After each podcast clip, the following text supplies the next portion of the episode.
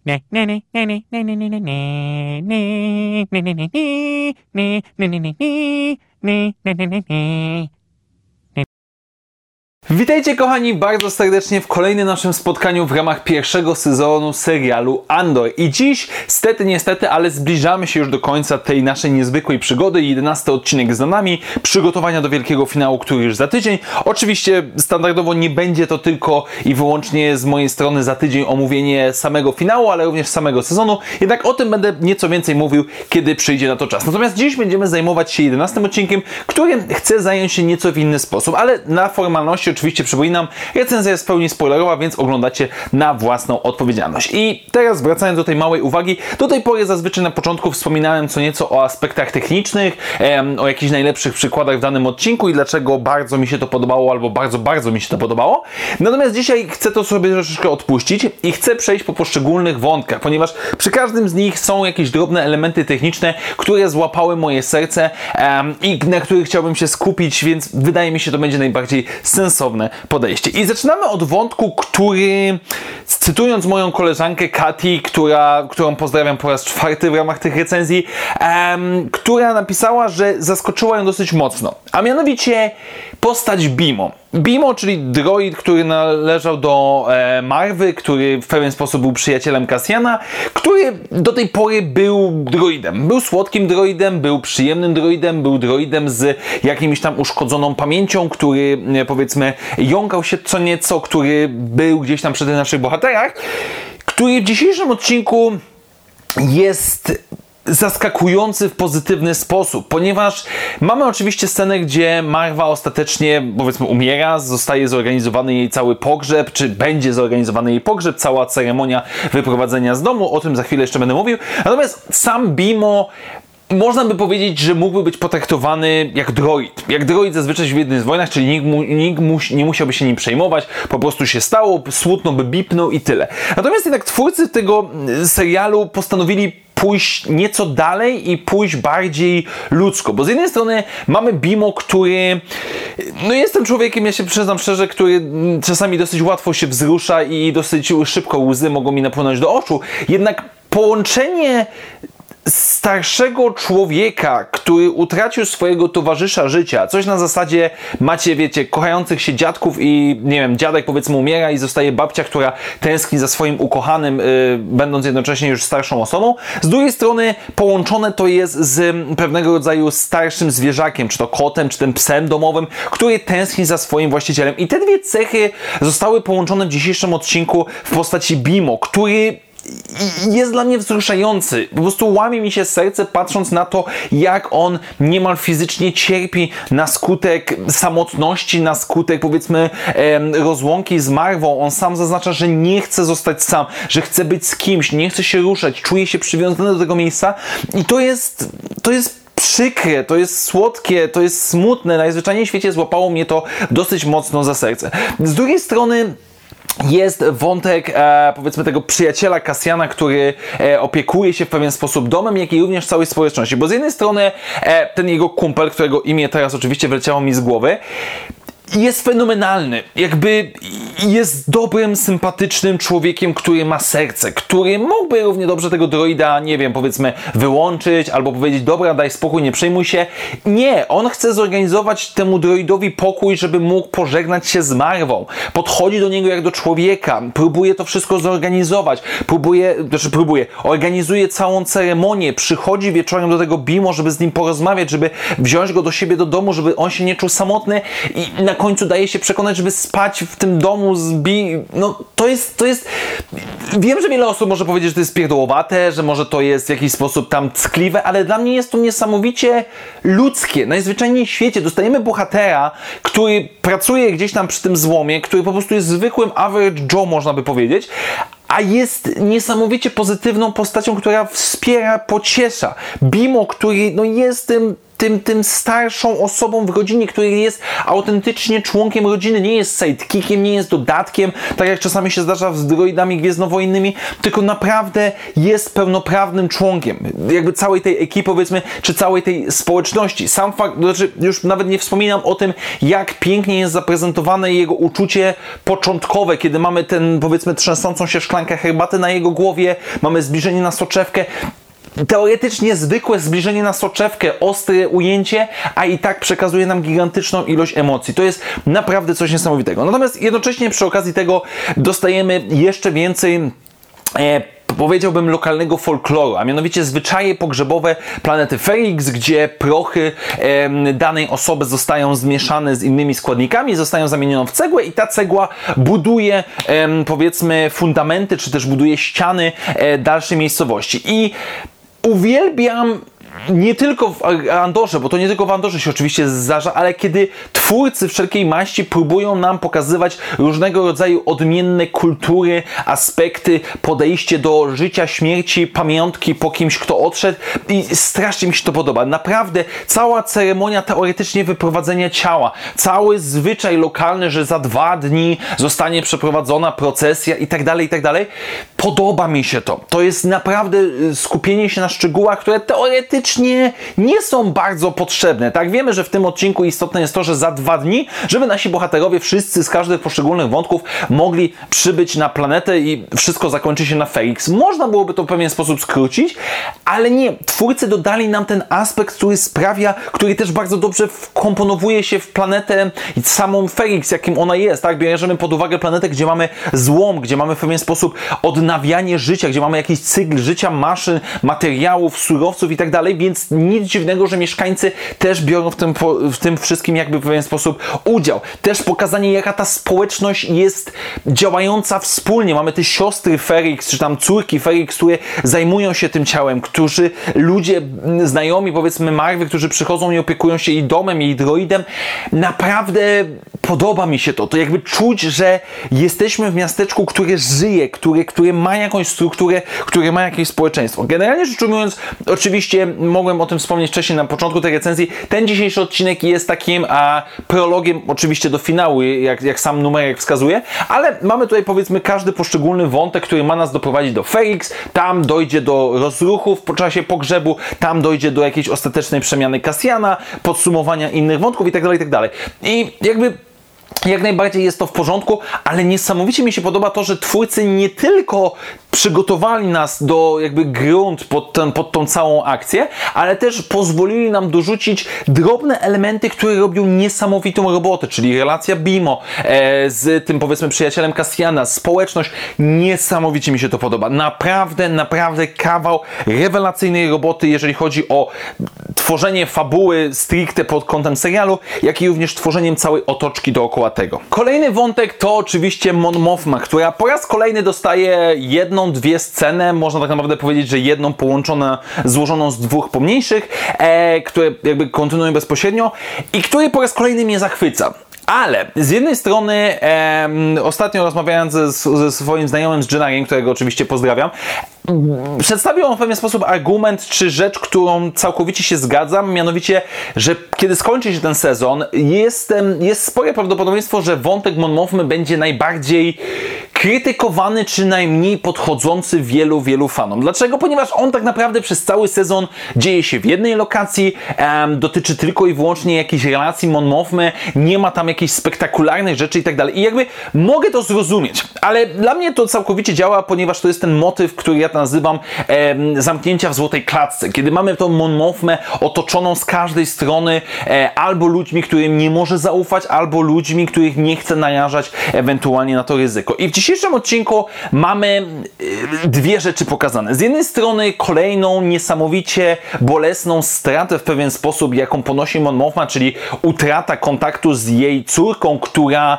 no można powiedzieć, zaczęła chodzić na roraty, a mianowicie zaczęła oddawać się, em, czy powiedzmy brać udział w jakichś tam ceremoniałach związanych z czandrilską kulturą, których no nie popiera albo nie jest zwolenniczką zarówno jej ojciec, jak i również matka. I nie wiadomo do końca, czy to jest kwestia jakiegoś buntu nastoletniego na zasadzie, a ja będę na, złośli, na złość powiedzmy względem swojej matki, żeby jej pokazać, jak bardzo jej nie lubię, e, czy jest to Ewentualnie jakaś odskocznia na zasadzie nie mogę się dogadać z nikim w domu, więc odnajdę spokój w oazie społecznej, lokalnej, przy mojej parafii i tak dalej.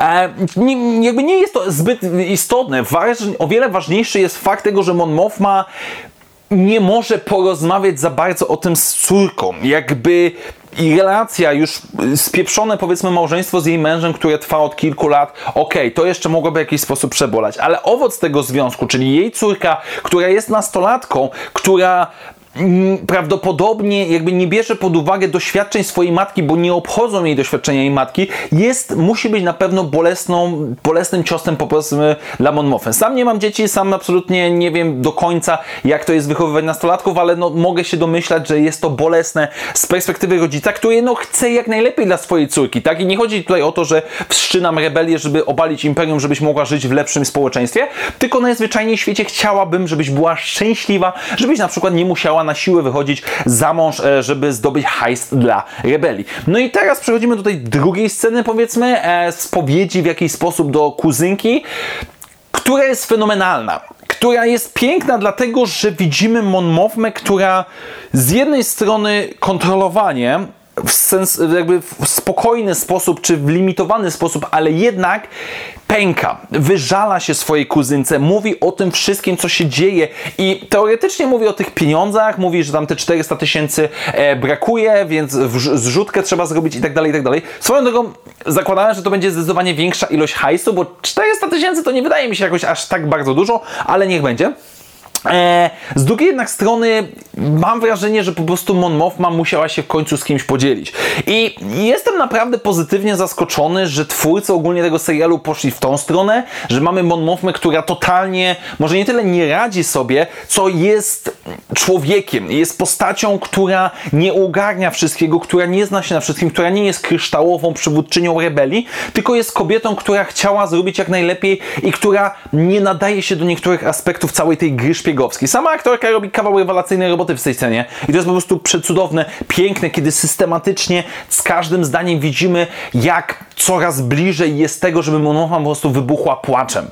Um, i, I ja jestem absolutnie zachwycony. Po prostu to jest rewelacyjne. Z drugiej strony totalnie rozumiem, będę więcej o tym mówił przy podsumowaniu, e, jeżeli ktoś mi powie, że Mon Mothma jest wątkiem nudnym, monotematycznym i jest akcyjniakowo jak najbardziej. Jest to chyba najmniej emocjonujący e, taki pod względem akcji e, wątek w całym serialu, ale z dobrych powodów, o których już wcześniej wspominałem. Generalnie rzecz ujmując, Mon Mothma 10 na 10. A skoro mówimy o nieudanym życiu rodzinnym, powiedzmy, relacjach ojciec, czy tam powiedzmy rodzice, dziecko, no to oczywiście przechodzimy do Cyrilla. Cyrilla, który jest w pewien sposób em, wątkiem pobocznym i przyznam szczerze, że totalnie po pierwszych trzech, czterech odcinkach nie spodziewałem się, że w tą stronę pójdzie nasz bohater, ale wygląda na to, że będzie on pewnego rodzaju vigilantim, który na własną rękę poleci na Ferix, e, żeby skonfrontować się z Cassianem Andorem. I sam wątek z jednej strony jest niesamowity, ale jednocześnie przykry i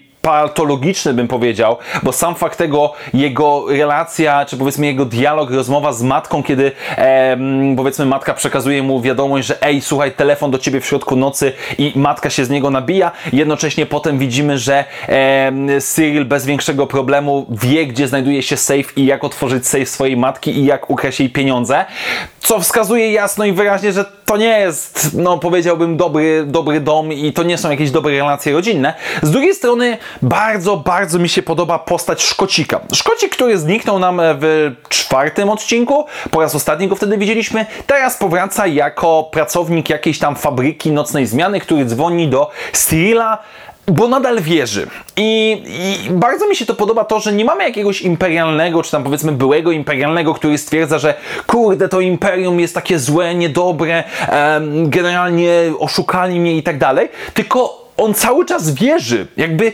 Cyril nie jest już nikim ważny, nie jest jego przełożonym, nie jest jakimś tam kimś postawionym wysoko, a i tak Szkocik do niego dzwoni i mówi panie, panie, panie sierżancie, panie starszy oficer, panie wyższy stopnie w drabince korporacyjnej, ja tutaj dostałem info, że takie rzeczy się dzieją i tak dalej, bo ja to odbieram w ten sposób, że on wierzy. On wierzy w to, że trzeba zrobić porządek, on wierzy w to, że należy to zrobić, a to, że ja wylądowałem w fabryce, nadal mogę coś zrobić i to jest taka, może nie ślepa, ale takie oddanie całkowicie tym zasadom, które jest niebezpieczne, bo jakby ten człowiek nie będzie, mm, powiedzmy, bardzo mało prawdopodobne, żeby się w jakiś sposób nawrócił, zmienił i tak dalej.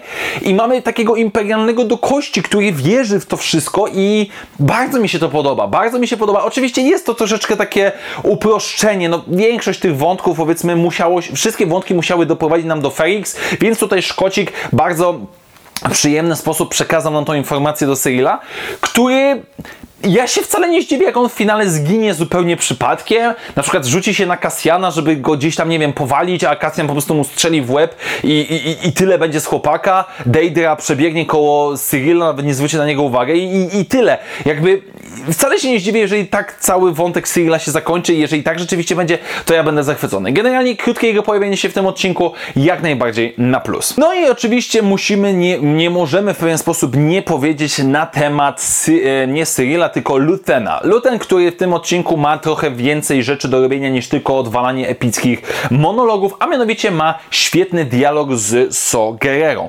I zacznijmy może od So Guerrero, bo mm, jest tutaj troszeczkę prostsze. Forrest Whitaker robi nadal rewelacyjną robotę, ale co mi się bardzo podoba, dodaje kolejną warstwę paranoi So Guerrerze, bo jakby widzimy, że So Guerrero zostaje przekonany, czy stwierdza, dobra, pomogę tam tej innej grupie partyzanckiej, wesprę ich z powietrza, będzie jak najbardziej cacy, po czym Luten no, mówi, nie, nie trzeba tego zrobić, no i Sol zaczyna grzebać, grzebać i dowiaduje się o co chodzi i zaczyna popadać w paranoję.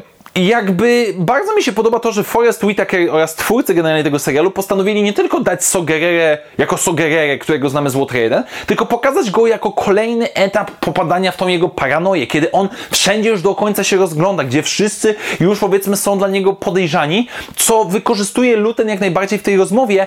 Y, w ogóle cała akcja z tym Tutubesem jest tak absurdalna, ale jednocześnie dobrze punktuje to, że Sogerera no, jest anarchistą, który już zaraz coraz coraz bardziej popada w to swoje szaleństwo i, i nie myśli logicznie, tak jak Luten mu dosyć celnie punktuje.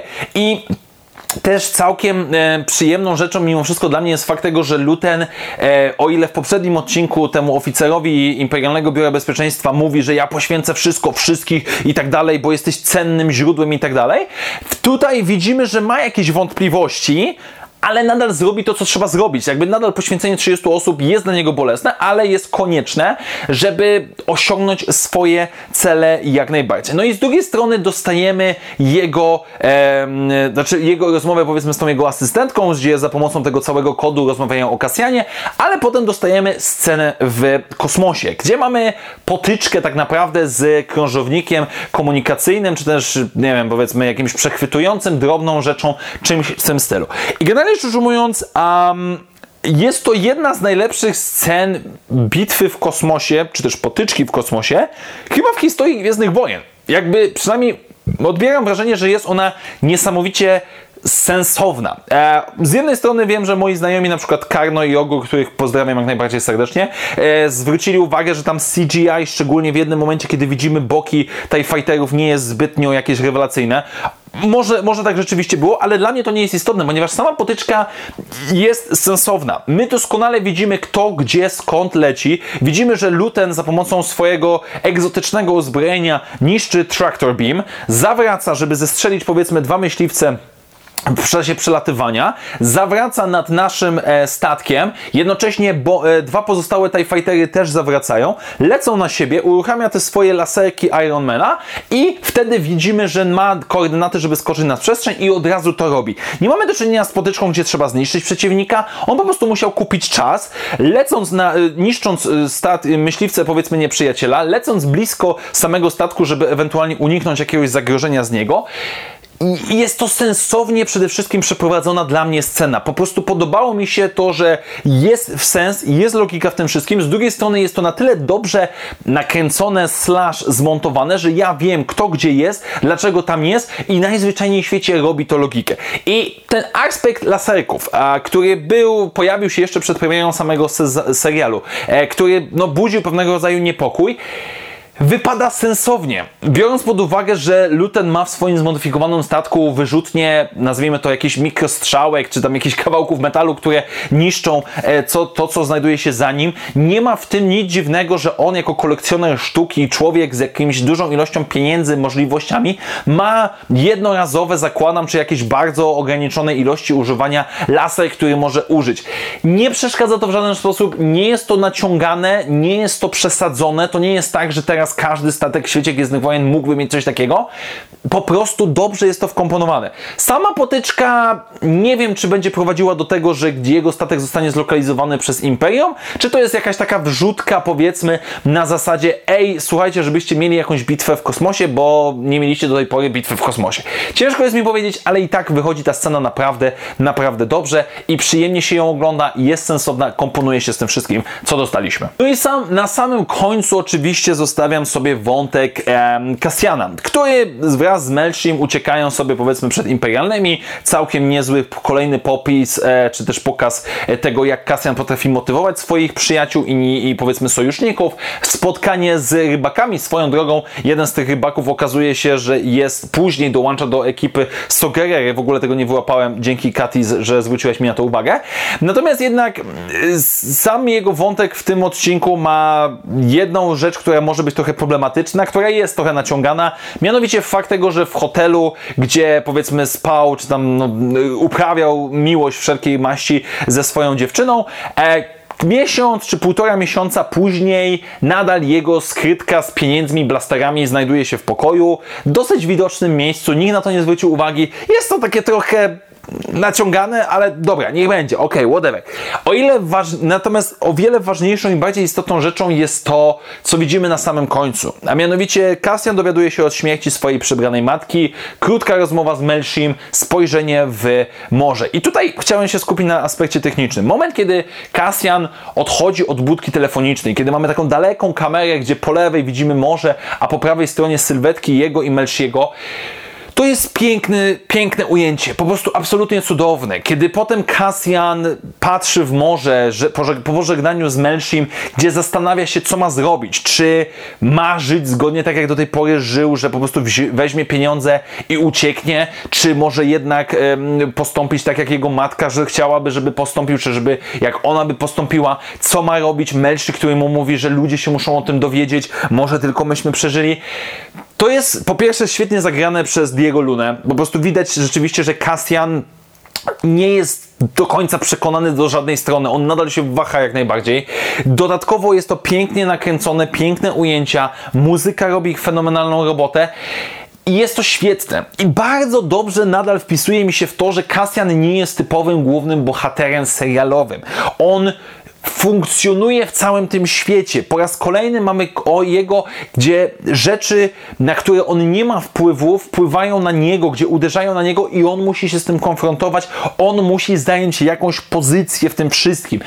I to jest świetne. To jest absolutnie rewelacyjne. Może być przeszkadzające dla niektórych, dla tych z Was, którzy lubią seriale skupione stricte na danym bohaterze, ale tutaj robi to niesamowitą robotę. Kasjana jest relatywnie niewiele mimo wszystko w tym odcinku, ale końcówka naprawdę, naprawdę jest absolutnie fenomenalna. Zakładam, że poleci na Ferix. Co będzie na Ferix, to się przekonamy już za tydzień, ale w dzisiejszym odcinku Kasjan Znów 10 na 10. No dobrze, moi drodzy, tak więc czas na podsumowanie. Eee, jak pierwszy raz oglądałem ten odcinek, to stwierdziłem, że może coś nie za bardzo mi w nim gra, pasuje, ale wynikało to z tego, że nie jest on taką stricte elementem tej, tej powiedzmy trylogii, czy też tego arku historycznego, tak jak było w poprzednich odcinkach i jednocześnie musi on w pewien sposób połączyć te wszystkie nasze wątki ku wielkiemu finałowi na Felix. Robi to naprawdę przyzwoicie, robi powiedziałbym to nawet bardzo dobrze i sprawia, że czekam na więcej. Fakt tego, że wszystko zaczęło i wszystko zakończy się na Felix bardzo mi się podoba, bardzo mi się podoba to, że rzeczywiście sprowadza się do wszystko, do tych decyzji powiedzmy u samego gruntu i totalnie nie wiem, w którą stronę to pójdzie. Nie wiem, czy Luten przeżyje, czy Cyril przeżyje, e, jak to właściwie się potoczy, co, czy Imperium nie zrówna z ziemią powiedzmy całego Felix, e, czy Mon Mothma ucieknie, czy nie ucieknie, czy wyda swoją córkę w jakiej pozycji będzie Mon Mothma w tym serialu, co stanie się z Cassianem, czy Cassian już teraz dołączy stricte do rebeliantów, nie mam bladego pojęcia, czekam z niecierpliwością, nie wiem czy finałowy odcinek tego sezonu będzie jakiś specjalnie dłuższy, ale już teraz wiem, że z niecierpliwością czekam na przyszłą środę. I jednocześnie trochę ze smutkiem, bo fakt jest taki, że zakończy nam się absolutnie rewelacyjna, przynajmniej dla mnie, przygoda, ale o tym będę nieco więcej mówił w przyszłym tygodniu, kiedy podsumuję cały pierwszy sezon. Tak więc dziękuję Wam bardzo serdecznie, moi drodzy, za dzisiejsze spotkanie. Standardowo przypominam, że jeżeli podoba mi się to, co robię na kanale, możecie wesprzeć mnie stawiając mi wirtualną kawę, do której link znajdziecie w opisie tego materiału. Jeszcze raz wielkie dzięki za dzisiejsze spotkanie. Do zobaczenia na następnych materiałach i jak zawsze niech moc będzie z Wami. Na razie, cześć!